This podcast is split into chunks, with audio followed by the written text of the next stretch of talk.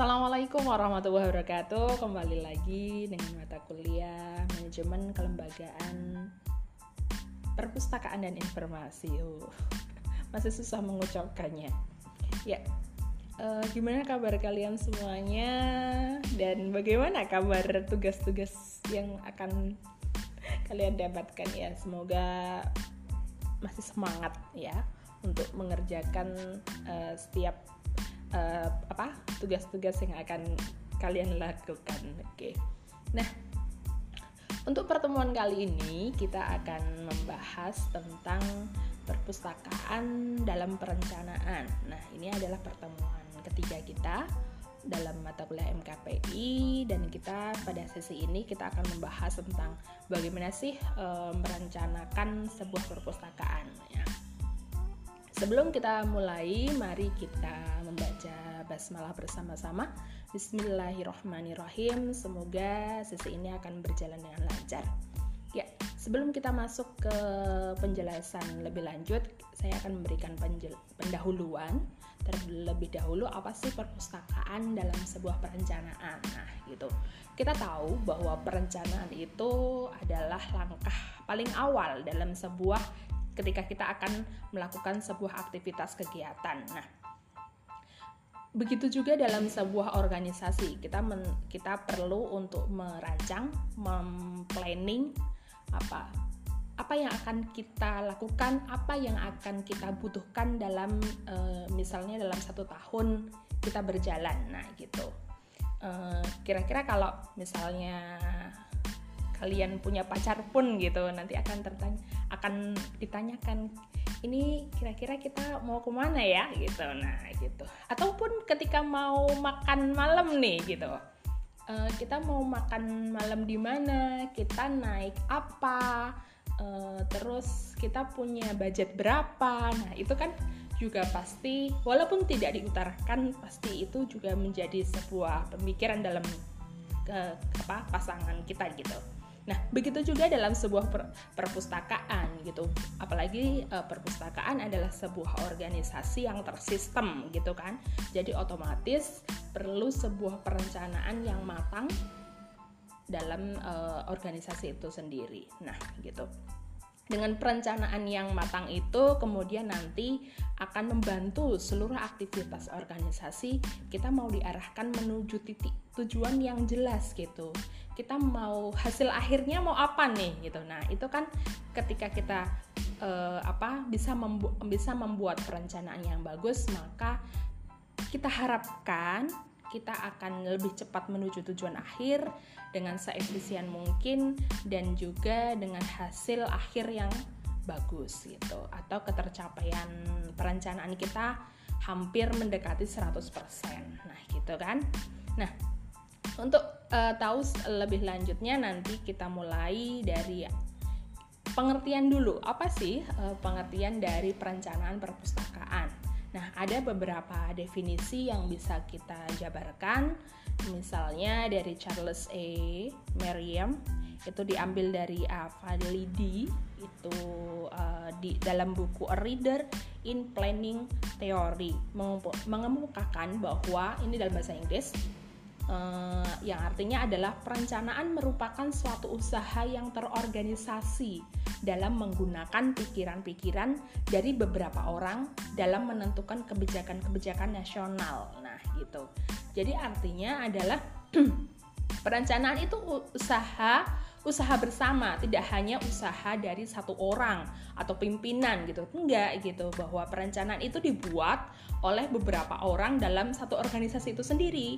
Misalnya kalau dalam perpustakaan ya ada stakeholdernya, ada kepala perpustakaannya, ada pustakawannya, ada tenaga tenaga pustakawannya ataupun tenaga IT-nya ataupun nanti e, kalau perpustakaan itu universitas ya stakeholder uh, universitas itu diikut dilibatkan dalam sebuah perencanaan. Nah, kita memikirkan bersama apa yang akan kita kita akan menentukan sebuah kebijakan-kebijakan apa. Nah, ini adalah kalau ini bahasanya kebijakan ya, kebijakan-kebijakan nasional. Kita mau menentukan tujuan akhirnya apa sih gitu. Nah, itu definisi pertama. Lah, definisi yang lain menjelaskan oleh uh, dijelaskan oleh Paul Davidoff dan Thomas A. Rainer masih dalam buku yang sama oleh Avaludi tahun 1978 dia mengemukakan bahwa perencanaan adalah suatu proses bagi penentuan kegiatan-kegiatan yang dipersiapkan pada masa yang akan datang melalui sederetan pilihan. Ya, jelas ya gitu bahwa perencanaan itu ya e, memang proses kita akan e, menuju jalan ke mana nih gitu kegiatan-kegiatan yang akan kita pilih itu bagaimana kita akan melangkah sampai ke sana nah itu proses-proses yang akan kita lalui dalam uh, sampai tujuan akhir itu ada beberapa kegiatan yang harus kita lalui juga gitu. Nah, itu uh, definisi perencanaan yang kedua. Definisi yang lain kita kalian boleh baca pada slide-nya nanti akan Ibu bagikan gitu. Nah, kemudian kira-kira penting nggak sih perencanaan itu gitu? Apa sih pentingnya kita merencanakan? Alah bu, nggak usah perencanaan toh juga nanti kita sampai sana gitu. Nah, beda ceritanya ada beberapa pepatah kalau bilang uh, ketika kita berhasil merencanakan maka kita akan berhasil juga dengan tujuan nah kira-kira teman-teman mahasiswaku semuanya setuju nggak dengan kalimat itu gitu dengan statement itu gitu nah kalian boleh uh, apa boleh memberikan jawabannya nanti di grup gitu. Nah, kita bahas pentingnya perencanaan. Kira-kira penting nggak ya perencanaan? Nah, gitu. Yang pertama adalah perencanaan merupakan dasar pelaksanaan aktivitas ya. Sebelum kita melangkah menuju akhir, kita mau bikin kegiatan A, B, C, D, E, maka dari awal kita merencanakan. Nah, ini adalah eh, apa? langkah paling pertama gitu dalam sebuah nanti kegiatan kita membuat perencanaan gitu. Nah, kemudian perencanaan merupakan alat pengawasan. Nih, ini pentingnya gitu. Ketika kita mem bisa membuat e, merencanakan sebuah kegiatan, nanti kita akan tahu bahwa oh dalam lang dalam langkah kegiatannya oh ternyata harusnya kita melewati step B untuk sampai step C gitu ya. Perencanaan itu menjadi sebuah alat untuk kita tahu gitu bahwa A langkahnya A B C D E untuk jadi pengawas kita gitu bahwa langkahnya itu harusnya berderet loh dari A kemudian B kemudian C kemudian E nah kemudian di akhir kita bisa mengevaluasi oh langkah kita ternyata salah nih di bagian ini gitu Nah, itu pentingnya perencanaan. Yang ke, yang selanjutnya adalah perencanaan yang proporsional akan membawa efektif, efek, efektivitas dan efisien gitu.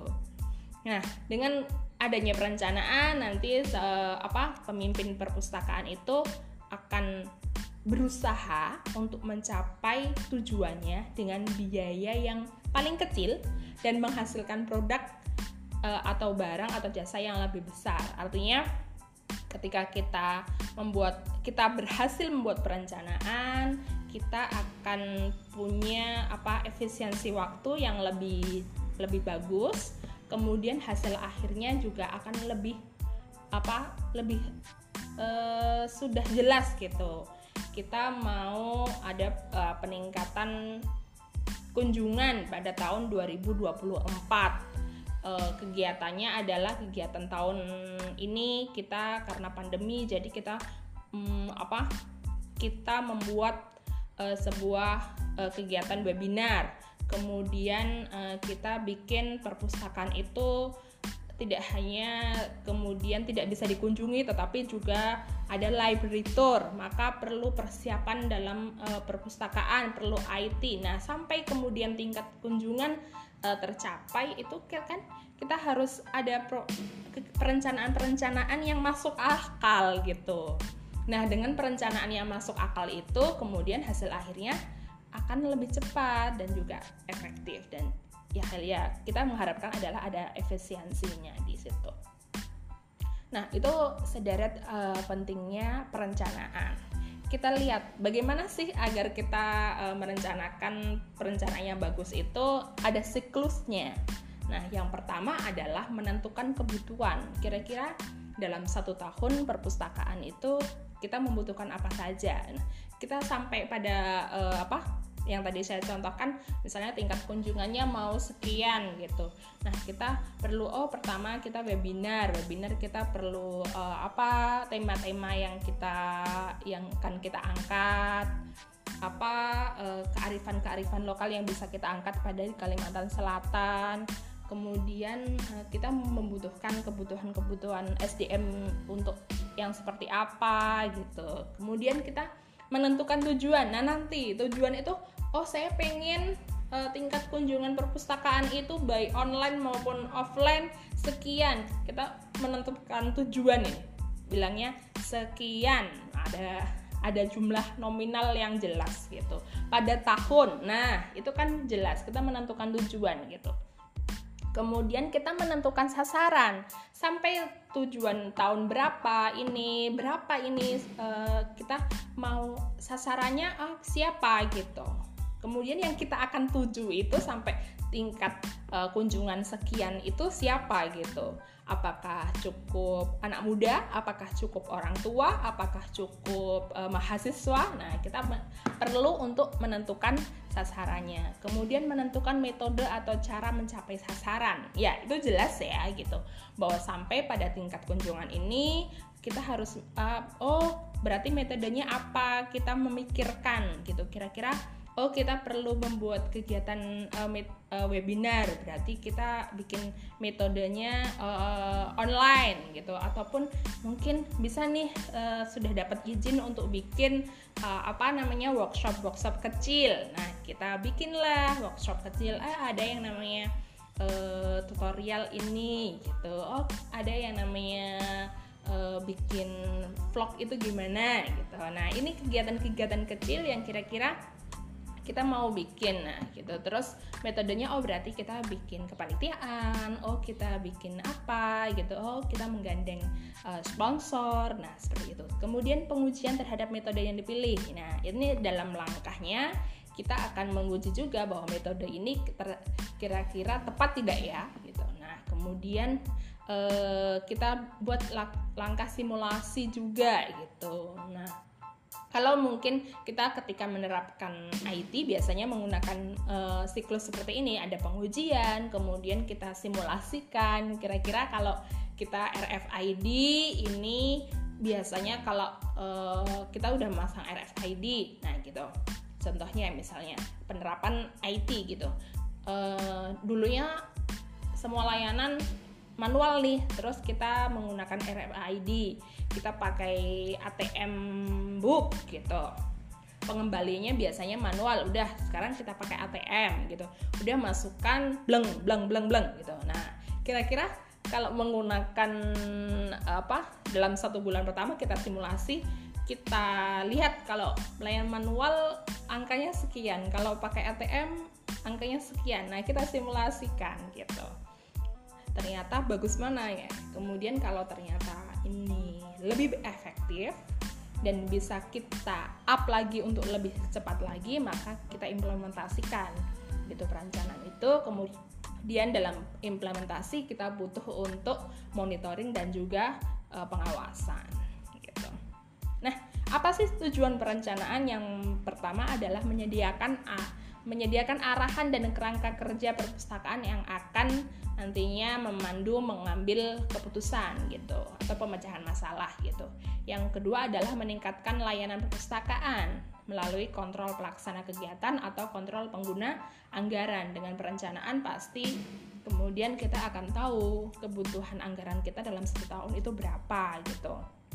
Apakah melenceng atau kurang gitu kan. Kita kalau tidak ada perencanaan oh saya butuh ini saya butuh uh, ini kegiatannya itu main main hanya suka-suka gitu dan uh, apa peng, ininya juga akan tidak baik kan gitu keuangannya gitu untuk memastikan yang selanjutnya adalah untuk memastikan pengembangan yang rasional dan efektif baik bagi sumber-sumber informasi yang menjadi koleksi perpustakaan maupun bagi pengembangan pelayanan. Nah, gitu. Artinya ketika uh, kita membuat perencanaannya bagus kita akan ini kita akan bisa me, me, memperkirakan gitu. Oh ini bisa dikembangkan ini ini bisa di ini gitu gitu. Kemudian eh, yang selanjutnya adalah memungkinkan mengantisipasi kebutuhan sumber-sumber informasi. Nah gitu. Eh, dengan cara membuat perencanaan berdasarkan keadaan saat ini dan proyeksi keadaan di masa yang akan datang gitu artinya kita eh, dengan membuat perencanaan eh, minimal adalah kemudian kita bisa uh, memperkirakan oh kebutuhan satu tahun, dua tahun, tiga tahun mendatang itu seperti ini. Oh trennya sekarang ini berarti yang saya butuhkan ini gitu. Nah itu antisipasi antisipasi yang akan uh, terjadi itu bisa direncanakan terlebih dahulu gitu. Kemudian memberikan pengalaman dan keahlian bagi pustakawan dalam membuat perencanaan. Ya, dengan kita membuat sebuah perencanaan, maka kalian juga pasti nanti akan punya pengalaman bagaimana merencanakan sebuah kegiatan, bagaimana mengalokasikan dana, bagaimana memperkirakan kebutuhan SDM-nya. Nah, itu menjadi pengalaman tersendiri bagi kalian nantinya. Kemudian fungsinya uh, fungsi perencanaan itu yang pertama membantu tercapainya tujuan tujuan jelas gitu. Kalau kita uh, berhasil membuat perencanaan maka insya Allah juga tujuannya akan akan lebih terlihat jelas gitu. Bisa kita bisa menggapainya nih gitu. Terus tercapainya efektivitas dan efisiensi ya. Dengan uh, perencanaan nanti bisa lebih efektif dan juga penggunaan dana dan uh, waktunya juga akan lebih efisien gitu kemudian nah kita lihat faktor-faktor faktor-faktor apa saja sih dalam uh, membuat perencanaan? Yang pertama adalah waktu. Waktu itu penting gitu. Kira-kira kita mau merencanakan uh, perencanaan dalam waktu satu tahun, dua tahun, lima tahun, nah gitu.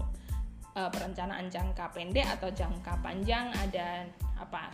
Renstra gitu kalau di universitas ada renov gitu Nah, seperti itu. Kemudian kita membutuhkan pengumpulan data dan analisis data. Nah, eh, dalam proses perencanaan tidak hanya kita dari ide kita semata ya gitu. Oh, saya pengen ini, saya pengen ini, tapi ide itu juga harus kita apa? Ada dasarnya gitu bahwa kita butuh untuk analisis datanya gitu. Ada angka yang yang jelas gitu. Bahwa oh saya pengen pengen punya apa merencanakan tingkat kunjungan sekian itu karena ini gitu. Karena ternyata ada penurunan data penurunan pada uh, dua tahun sekarang gitu. Karena covid berarti uh, tingkat kunjungan uh, jelek terus keterpakaian koleksi jelek. Jadi gimana agar kita sebagai perpustakaan punya andil gitu bahwa kita sebagai pusat informasi juga bisa memberikan bisa berfungsi situ gitu. Nah kita uh, pakai datanya apa gitu? Oh ternyata ini ini ini gitu. Nah itu butuh juga tidak hanya kemudian ide semata gitu. Kemudian uh, faktor yang lain adalah tingkatan perencanaan. Nah Uh, semua personil dalam perpustakaan itu wajib ikut terlibat dalam proses perencanaan sehingga nanti mempunyai uh, rasa tanggung jawab bersama bahwa oh ternyata itu tidak hanya ide dari kepala perpustakaan ya udah kepala perpustakaannya aja yang tanggung jawab. Enggak gitu. Bahwa ketika perencanaan semua stakeholder kembali itu harus ikut terlibat dan nantinya adalah e, dari keterlibatan itu kita punya rasa tanggung jawab bersama untuk mencapai tujuan akhirnya itu gitu. Ini penting gitu karena bahwa banyak juga e, yang lalai dalam proses ini gitu. Artinya kemudian ya aku nggak ikut dilibatkan jadi aku cuek aja gitu terserah. Ya itu kan kemudian eh, jadi kekurangan ya gitu yang perta yang selanjutnya adalah faktor yang lain adalah kelenturan dan fleksibilitas. Nah, kita juga tidak tidak harus kaku, kita harus ikut dinamis. Oh, ternyata eh, tahun 2020 ada covid nih terus bagaimana perencanaan kita yang akan melakukan ini gitu oh oke ternyata trennya kita bisa melakukan kegiatan-kegiatan dalam bentuk webinar. Kita tetap bisa bertatap muka tetap sharing ide tetap ini dengan um, menggunakan uh, apa uh, webinar online gitu. Oh kita sudah punya cukup koleksi dalam digital. Berarti kita bisa share kita manfaatkan sosial media terus ke, kita bikin ada apa tutorial tutorialnya dalam bentuk maya kita manfaatkan website. Nah itu kemudian ketercapa keterpakaian koleksi kita juga tetap bisa dimanfaatkan. Nah itu kita butuh kelenturan dan juga fleksibilitas gitu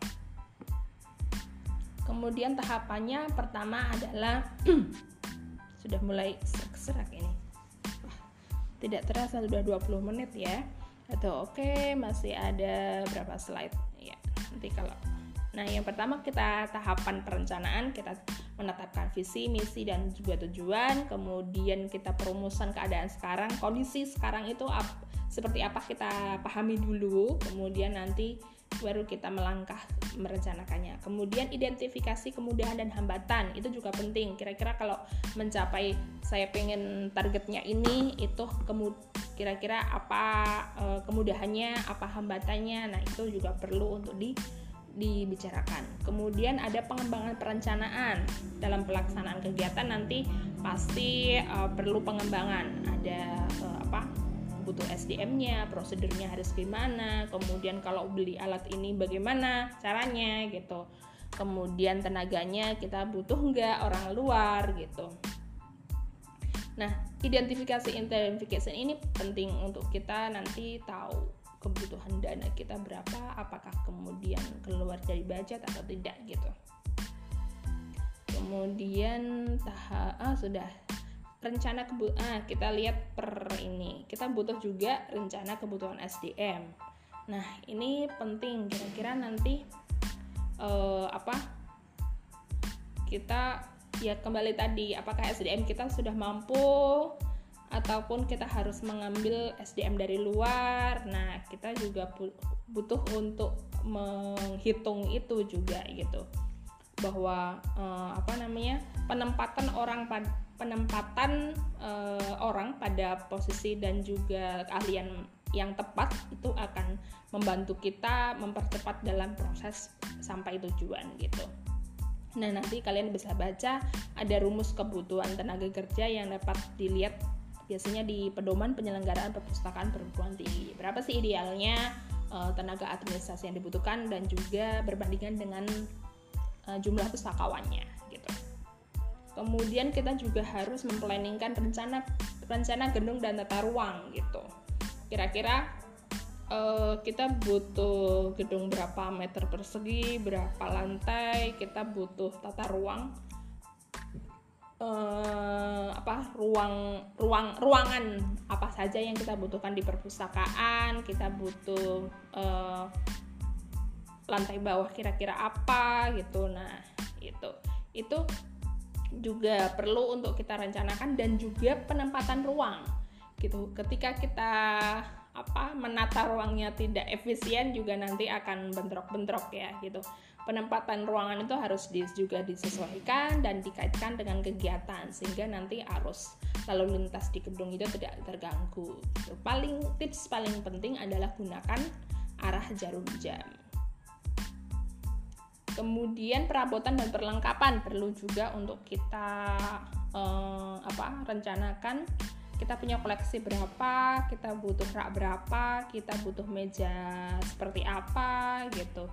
Itu itu. Kemudian peralatan yang berhubungan dengan IT komputer kita butuh berapa printer mesin fotokopi. Nah itu juga dalam proses perencanaan juga perlu eh, kalian rencanakan dihitung mulai berhitung gitu.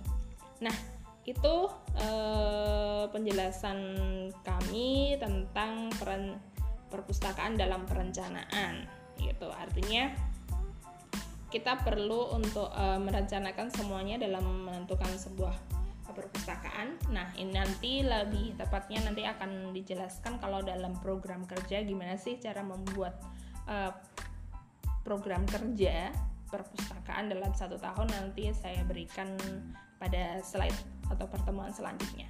Oke, terima kasih untuk hari ini. Terima kasih telah mendengarkan dan semoga tidak bosan. Saya tutup. Assalamualaikum warahmatullahi wabarakatuh.